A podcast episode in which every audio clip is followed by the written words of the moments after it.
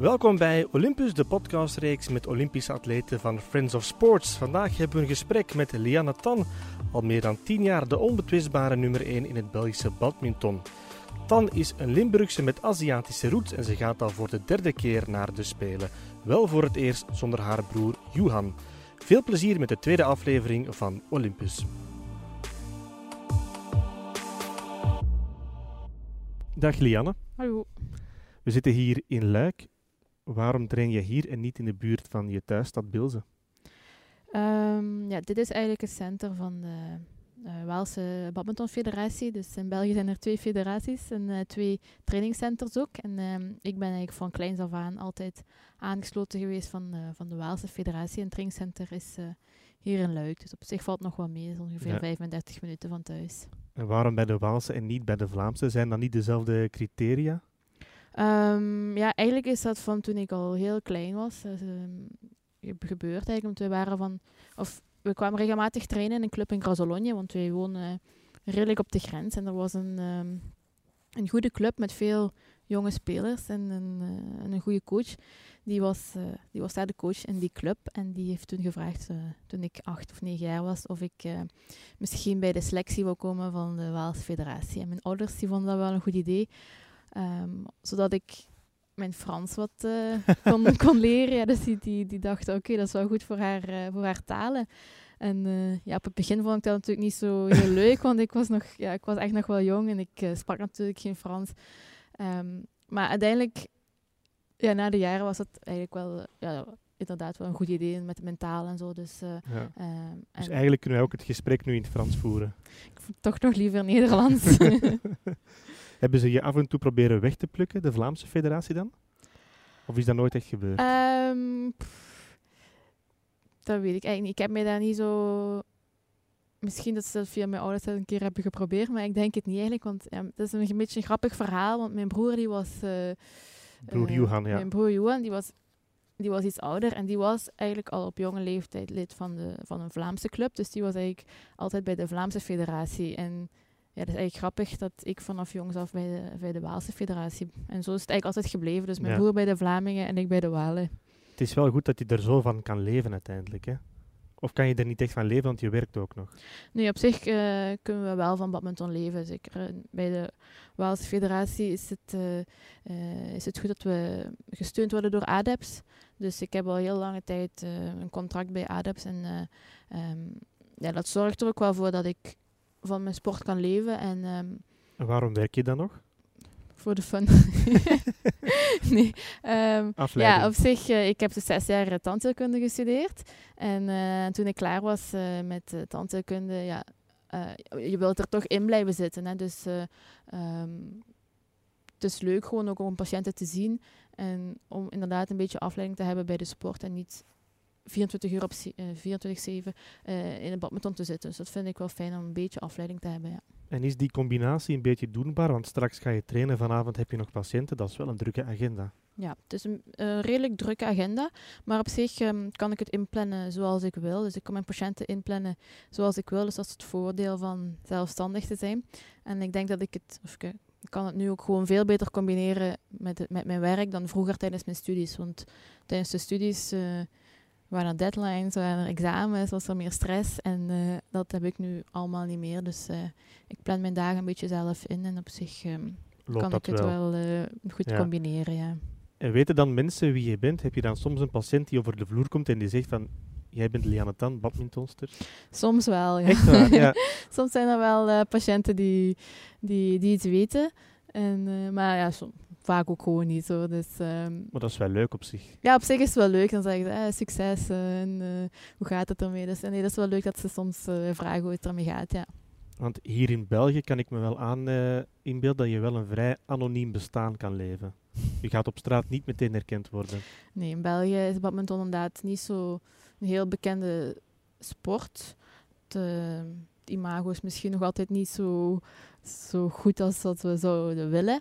Um, en, maar we zien ook altijd het jaar voor de Spelen krijgen we weer wat meer aandacht. Maar daarnaast eigenlijk weer drie jaar stil.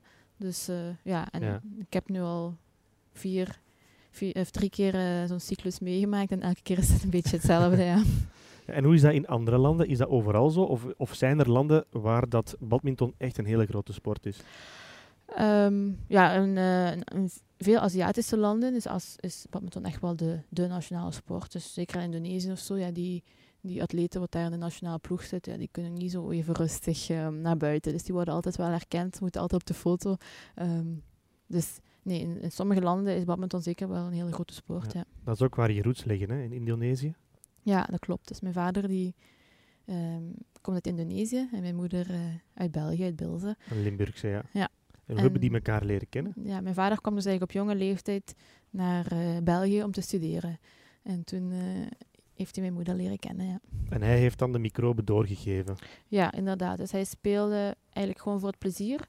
En um, ja, in, in, een club in de buurt eigenlijk. En toen, uh, ja, ik ben de jongste thuis. Ik had een oudere zus en mijn grote broer Johan. Dus die die begonnen al wat te spelen. En uh, ik ging eigenlijk gewoon elke keer mee naar de sporthal. Dus uh, zo ben ik er ook een beetje ingerold, ja. Ja, en met dan je broer, want hij is ook een professionele uh, badmintonner geworden, is nu intussen gestopt. Waren jullie dan constant met badminton bezig tijdens de jeugd? Um, ja, ik, toen ik nog jong was, heb ik ook geturnd. Dus Uh, ik heb denk ik geturnd tot ik 8, 9 jaar was. En toen uh, heb ik eigenlijk een keuze moeten maken. Omdat de turnen, ik moest elke dag gaan turnen, maar ik speelde daarna nog, nog badminton. En toen hebben ze gezegd, oké, okay, nu moet je echt een, een keuze gaan maken. En het was... Um, en wat voor turnen? Uh, ja, gewoon... artistiek? ja, gewoon artistiek. Ik zat in de, in de keurgroep van, van de club in Bilze. Um, maar dus die combinatie was niet meer mogelijk. Hè, want turnen moet je op jonge leeftijd gewoon heel veel trainen. En uh, met de badminton wat ik daarnaast deed, dan, dan ging dat niet meer. Dus toen had ik gezegd, oké, okay, nu moet je een keuze maken. En uiteindelijk heb ik dan voor uh, het badminton gekozen. Want ja, het was misschien ook iets makkelijker, want uh, heel mijn familie zat in het badminton. Ja, en, uh, het moet nogal leuk geweest zijn voor je moeder. vader en de kinderen alleen maar bezig over badminton thuis. Ja, ja op zich viel dat nog wel mee, denk ik hoor. Maar ehm, omdat we er misschien op het begin niet zo super serieus mee, mee bezig waren. Hè. We speelden een beetje voor de fun, we gingen trainen uh, voor het plezier. En dan speelden we af en toe een toernooi hier in de buurt, uh, in, in, België of in Nederland, net over de grens. Maar zo serieus was het allemaal nog niet echt op het begin. Hè. Maar we begonnen dan wat meer te winnen, we werden steeds Belgisch kampioen. En dan daarna... Wanneer werd dat dan wel serieus? Hoe oud was je toen? Um, ja, het was eigenlijk het, het, het, het einde van mijn middelbaar. Ja. Of ja, vierde, vijfde middelbaar, dat ik wel van, oké, okay, na mijn middelbaar wil ik echt wel uh, fulltime gaan badmintonnen. Dus ja, en mijn broer die, die was al voor, voor mij, dus die deed dat al. Dus er kan natuurlijk altijd iemand om naar op te kijken. En uh, ja, om te kijken hoe, hoe hij het deed en hoe hij de dingen aanpakte. Dus dat was ook wel een voordeel voor mij, ja. Was het een voordeel of een nadeel om alles met twee te doen? Ja, um, dat was zeker een voordeel hoor, want um, in België is badminton sowieso geen grote sport. En omdat ik altijd met, met mijn broer kon trainen, was dat ook al sowieso een heel groot voordeel voor mij. Zeker als meisje om tegen een jongen te trainen. Ja. Voor hem was dat natuurlijk iets moeilijker, want hij had niet echt de, de sparringpartners um, die hij eigenlijk nodig had. En van jonge leeftijd zijn wij ook altijd getraind door onze vader, tot, tot het einde van het middelbaar. En, um, maar ik zou denken, als broer en zus dan word je toch ook wel eens gek van elkaar. Dan maak je toch wel eens ruzie of zo. dat kan toch niet anders? Um, dat kwam eigenlijk heel zelden voor, want wij kwamen ah, ja. heel goed uh, overeen. En, um, uh, en ik vond het echt altijd super fijn om met hem te trainen en ook om met hem op toernooi te gaan. En ja, twee keer de Olympische Spelen samen te doen, nee, dat was echt heel, heel fijn. En nu nu dat hij er niet meer is, op het begin vond ik dat eigenlijk wel moeilijk, omdat er viel een trainingspartner weg, maar ook op toernooi was het ook gewoon niet meer zo gezellig als uh, toen dat hij er wel bij was. Ja. Dus ook op mentaal vlak had hij wel een grote waarde in je, in je rise to the top eigenlijk. Ja, zeker. Ik heb heel veel te danken aan mijn broer, want hij heeft ja, niet alleen op mentaal vlak, maar heeft mij altijd goed geholpen, ook uh, tips gegeven, altijd. Dus uh, um, ja, zonder hem was ik nu niet waar ik, waar ik vandaag ben, dus zeker. Wat is voor jou jullie mooiste moment samen? Dat is misschien niet zo gemakkelijk, maar ga je toch uitdagen om een moment eruit te kiezen? Um, ja, het eerste wat mij te binnen schiet is mijn medaille op de, in Baku, dus op de, op de Europese Spelen. En dat, dat hij daarbij was en, en hoe hij dat beleefde, dat vond ik ook echt geweldig. En ik wist gewoon van, dus eigenlijk die medaille is ook dankzij hem en dat hij daarbij was en supporterde voor mij van op de eerste rij. Um, dat, was, dat was voor mij eigenlijk een, een heel mooi moment, ja. Intussen passeren er mensen in, eh, in de zaal, dat is op zich allemaal niet zo erg. Bij iedere podcast is er ook een, eh, een gast die we contacteren voor een persoonlijke boodschap. En uiteraard, uiteraard kon ik niet anders dan ook je broer te sturen. Lieve Lianne, lieve zus. Gefeliciteerd met de kwalificatie voor eh, Tokio. Het zullen je derde Olympische Spelen zijn, wat uiteraard een erg knappe prestatie is. En het getuigt van consistent eh, goed presteren over de laatste jaren. Niet alleen over één jaar, maar echt over een eh, langdurige periode. En we weten allebei dat je in vergelijking met je eh, concurrenten een apart traject hebt afgelegd. Niet alleen eh, met eh, hard trainen, eh, maar ook met eh, hard studeren. En het getuigt van een eh, enorme doorzettingsvermogen, enorme wilskracht. En dat is iets eh, wat ik al eh, in je herken van eh, in je vroege jeugd. Ik wens je heel veel succes in de laatste rechte lijn naar eh, Tokio, in de laatste voorbereidingen. En uiteraard ook op, eh, of in Tokio zelf. Voilà. Dat zijn wel mooie woorden, hè? Prachtige woorden. nee, dat is, eh, ja, dat is heel lief en dat is mooi om te horen. En, eh, eh, ja, zeker omdat het iemand is waar ik eigenlijk, het is mijn broer, maar ik kijk er ook echt heel erg naar op eigenlijk. En, eh, ehm, ja, hij is eigenlijk ook altijd gewoon het voorbeeld geweest waar ik naar, naar op kon kijken. En ehm, dat is ook wel het geluk dat ik heb gehad altijd, denk ik. Ja. ja. Heb je hem het afgelopen jaar een beetje gezien met de corona? Of toch minder? Ehm, ja, natuurlijk veel minder. Hè. Dus ehm, eh, ja, het is een, lastig jaar geweest denk ik voor iedereen. Maar eh, ja, we zien elkaar natuurlijk veel minder. En sinds dat hij nu ook in Antwerpen woont, is dus de afstand ietsjes verder. Dus eh, vroeger waren we altijd samen, ja.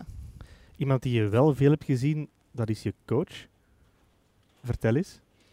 Ja, dus eh, mijn coach is ook mijn, mijn vriend. En ehm, hij is dus hier nu de coach bij de Waalse Federatie sinds, ehm, sinds dat ik klaar was met mijn studies. Dus sinds 2018 ehm, in juni.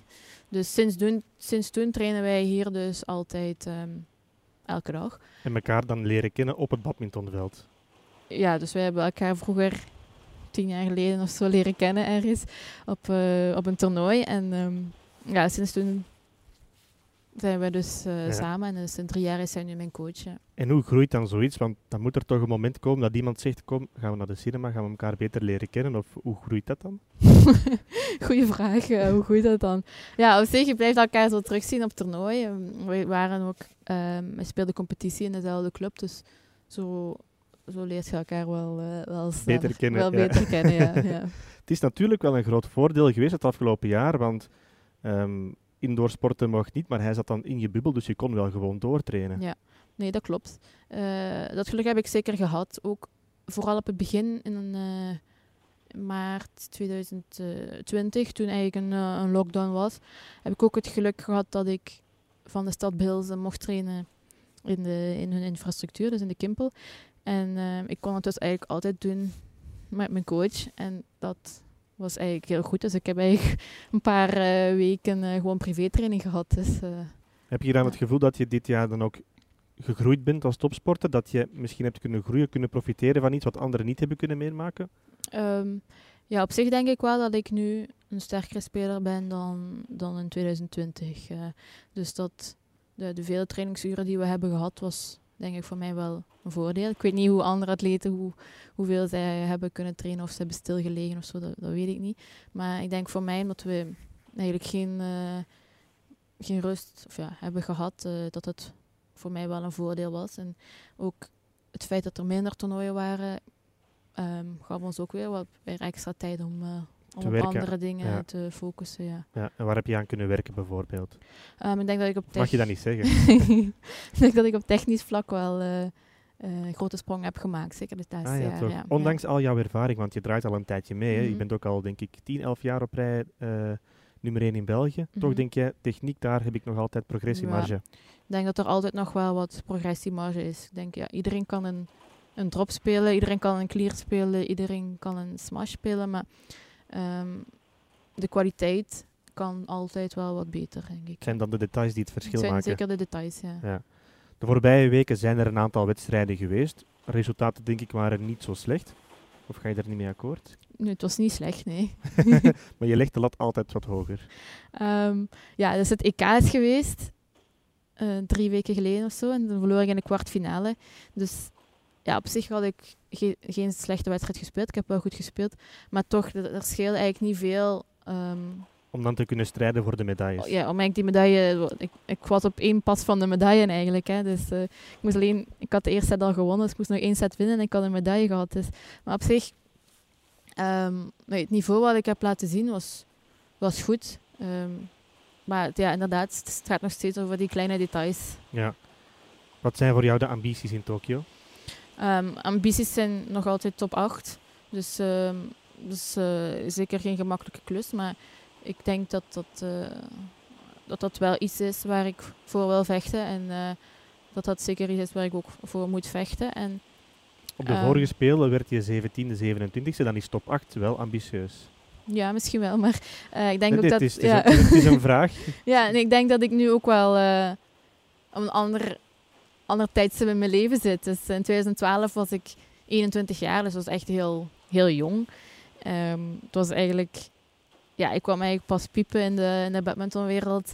Um, 2016 was dan ook weer een heel ander scenario, want het was in het midden van mijn studies. Dus uh, mijn focus toen lag eigenlijk vooral op de studie en minder op de sport. Omdat ik mijn studies zo snel mogelijk wou afronden. En nu zijn we weer vijf jaar later zelfs. Ja, en klopt, ja. nu sinds 2018 ligt mijn focus echt eigenlijk volledig op de sport. Dus dat is, is toch een ander scenario ja, dan uh, de voorbije twee Olympiades. Ja, het is intussen beginnen regenen, maar ik denk dat het nog wel zal meevallen voor, voor het geluid van de microfoon. Je zegt top 8. Heeft het dan te maken met het feit dat je absoluut zo'n Olympisch diploma wil?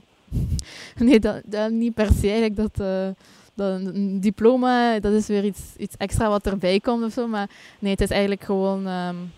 Iets wat je jezelf oplegt? Ja. ja. En is het dan voor jou bijzonder dat die Spelen doorgaan in Tokio, daar waar badminton een grotere sport is dan hier? Ja, het is natuurlijk jammer nu met corona dat het toch een heel andere beleving gaan zijn. Maar inderdaad... Uh, uh, als het een normale Olympische Spelen zou zijn, dus dat zo badminton ja, is, het krijgt heel veel aandacht. Hè. Dus uh, topfavorieten zijn misschien ook veel, veel Japanners. Ja, het is anders dan de badminton Olympische Spelen in, in Rio bijvoorbeeld, waar dus in Brazilië badminton helemaal geen grote sport nee. is. Uh, maar en kennen denk... ze jou daar beter dan hier? dat, dat weet ik niet. Dat zou kunnen natuurlijk. Misschien, ja, dat weet ik niet. Maar kan je er, want je, daarnet zei je het ook, in het laatste jaar, in de laatste paar maanden voor de Olympische Spelen, komt er wat meer aandacht. Kan je daar dan ook wel van genieten, van die extra aandacht die er dan komt? Um, of heb je zoiets van, och, moet dat er echt bij? Nee, dat op zich niet. Ik vind het niet zo erg um, uh, om wat interviews te geven of zo. Maar, uh, Dankjewel.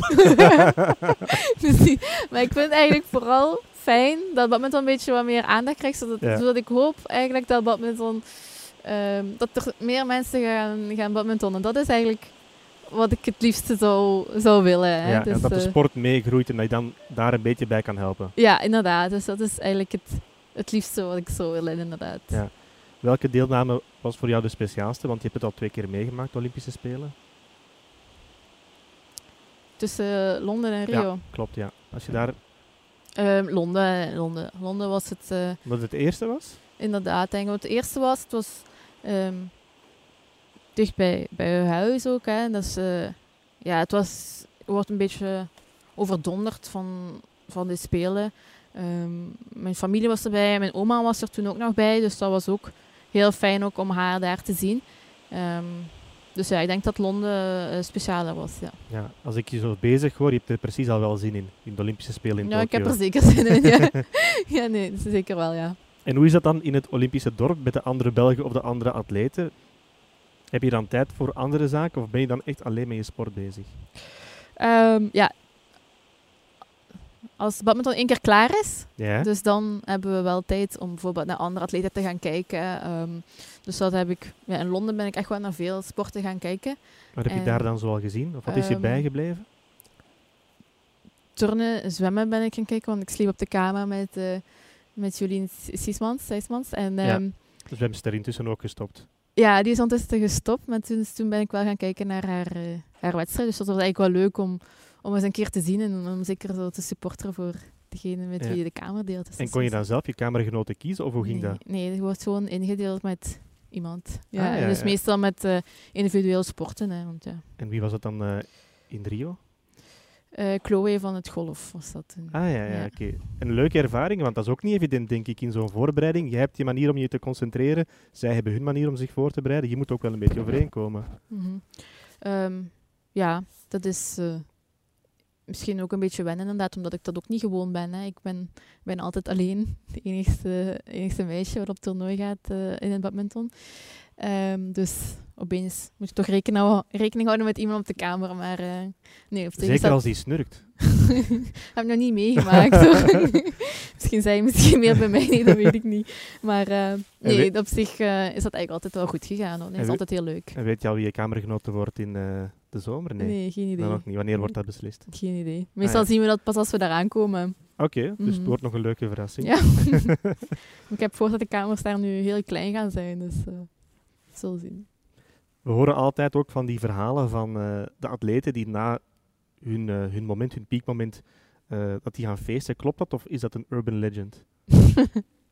Ehm, ja, dat klopt, hè, denk ik. Ja. Ehm, Dat is elke avond feest dan of wat? Er gaan heel veel atleten veel, veel feesten. Hè. En, Alleen de atleten samen of is dat ook met de entourage erbij en zo? ehm, ja, me- meestal de atleten. Hè. Ja, is vaak, vaak de atleten.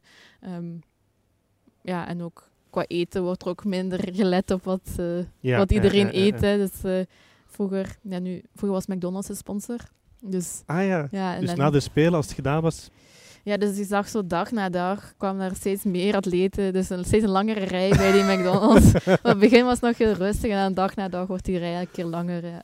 Dat, is, dat is wel opvallend, inderdaad. en jij dan ook. Een cheeseburger. Ah, ik heb het liever voor de ijsjes. Ah ja, het eten, ja, dat is niet zo...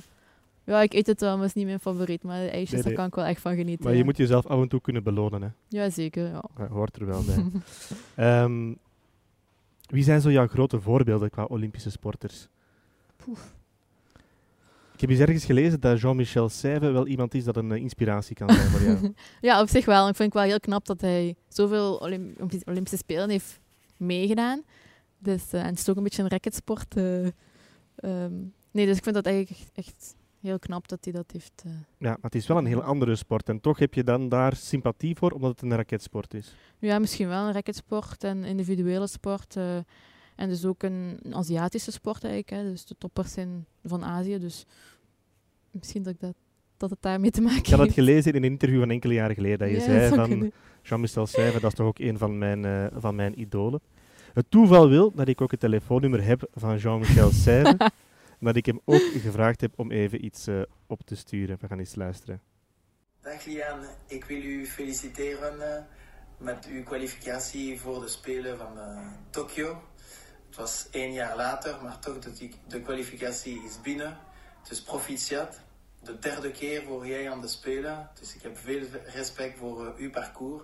Speciaal met de combinatie met eh, uw studies als eh, tandarts. Dus proficiat, goed voorbereiding en eh, ja, veel succes in Tokio. Oh, dat is fantastisch, ja. Een grote meneer, zeven deelnames aan de Olympische Spelen. Drie is niet slecht, maar zeven, dat is uniek. Hè. Ja, en dan zegt hij proficiat met de derde. nee, maar dat is, eh, ja, dat is mooi om te horen van, van zo'n grote atleet. eh, Ja. Dat hij mooie woorden heeft voor mij. Ja, dat is, In een sport die werd gedomineerd door de Chinezen, het doet me dan een beetje denken aan het badminton. Ook een sport die wordt gedomineerd door Aziaten. Hoe moeilijk is het om als Europeaan door te breken in die wereld? Ehm, heel moeilijk. Ik denk eh, dat de Aziaten ook van, vanaf jongs af aan heel hard trainen. Dus eh, van jongs af aan komen zij echt in een, in een waar ze dus naar school gaan en twee, drie keer per dag trainen. En in België ehm, is dat toch heel anders. Hè? Dus eh, de focus ligt op het middelbaar, op de studies. En dus na, na het studeren gaan we, gaan we trainen. Maar Ehm, dus eigenlijk pas na het middelbaar bijvoorbeeld had ik de kans om echt fulltime te gaan trainen. Dus we lopen denk ik heel veel achter Hè, dus op, uh, op, Aziatisch, uh, op het Aziatische niveau. Dus ja. het is wel lastig inderdaad. Dat is waar het verschil ligt. Zij zijn op jonge leeftijd al meteen bezig met een professionele omkadering. Jij begint voor de fun. Ja. En misschien 16, 17 jaar, dan begint het pas wat vorm te krijgen. Dan, dan, verlies je zeker 10 jaar. Ja, ja, inderdaad. Dus we lopen ook heel veel achter. En het is ook daarom ook dat ik nog, ja, ik ben nu 30 bijvoorbeeld, maar ik kan nog wel goed mee. En zij zijn, ze, ze, hun carrière stopt vroeger, ook. Ah, ja, ja, dat wel. Er zijn weinig atleten uh, die 30 zijn. Die en heeft het dan te maken met blessures of zo, die ze dan vroeger oplopen? Ja, ah, ze, ze zijn... Gewrichten? Ja, inderdaad, toch, toch wel veel blessures in Azië. En uh, ja, als je, als je denkt, als je van zo'n lange leeftijd zo hard traint elke dag, ja, dat is natuurlijk kan dat bijna niet anders. super gezond voor het lichaam. Nee, nee, nee. Mm. nee. Ja, het is toch wel pittig als je dat zo hoort, hè, van op jonge leeftijd al. En als Europese of als Belgische opboksen tegen die Aziatische landen, dat is toch niet evident. Dan, dat wil ook wel wat zeggen over het parcours dat jij hebt afgelegd, van het niveau dat je, dat je bereikt. Ja, het is denk ik ook lastig voor ons, of voor Europeanen in het algemeen, uh, omdat wij weinig trainingspartners hebben. Hè. Dus bijvoorbeeld, ik ben in België eigenlijk altijd een beetje de enigste geweest. Ja, je hebt nog lang je broer gehad, ja, maar die is nu ook wel... Maar ja, dat is ook maar één. Ja, één iemand, ja, die ga je ook wel kennen op den duur. Ja. ja en in, bijvoorbeeld, ja, in landen zoals, zoals China, de, het is misschien een groep van twintig uh, dames enkels die allemaal hetzelfde niveau hebben en die allemaal een andere speelstijl hebben. Dus waar je van elke speler weer wat van kan leren. Dus dat is iets wat we wel missen in België. Ja. Als ik uit je uitleg een beetje begrepen, ben je eigenlijk bijna een ancien in het vak. of is dat overdreven? Ik ben een van de ouderen. je vindt het wel vervelend om toe te geven. ik ben een van de ouderen, maar ik voel me nog heel, heel jong. en hoe lang kan je er nog mee doorgaan, denk je? Zou je de volgende spelen ook nog kunnen halen? Ehm, ik weet het niet. Ik weet het niet. Ik, uh, momenteel heb ik nog niet echt een datum vastgelegd van dan ga ik stoppen of zo. Ik, uh, ik geniet er nog van. Ik vind het leuk om te trainen en ik vind het leuk om toernooi te spelen. Um, ik vind het leuk om, om te weten dat ik nog wat progressie kan maken. Ik heb verder ook geen haast. Ik heb mijn diploma. Ik uh, werk een beetje daarnaast. Dus ik heb... Je bekijkt het jaar per jaar? Ja, eigenlijk wel, ja. Ja, oké. We gaan stilaan afronden, uh, Lianne. Wat mogen we nu je nog toewensen deze zomer in Tokio? Wanneer ben jij tevreden? Um, ja, ik denk, ik ben tevreden als ik uh, zeker sowieso het beste niveau heb kunnen halen. Uh, wat, wat voor mij mogelijk is. Dus uh, dat ik kan laten zien wat ik, waar ik voor, wat ik gedaan heb op training. Dus welke, wat, dat, ik dat daar kan laten zien eigenlijk. En um, ja, het liefst mijn top 8 zou ik tevreden zijn. Ja. ja dan toch een Olympisch diploma. Ja, heel graag. ik wens je ook nog een heel toffe kamergenote. Dankjewel, ik hoop het, ja. Heel benieuwd wie het zal worden, Lianne. Dat zal wel meevallen, denk ik. Bedankt alvast. Dankjewel.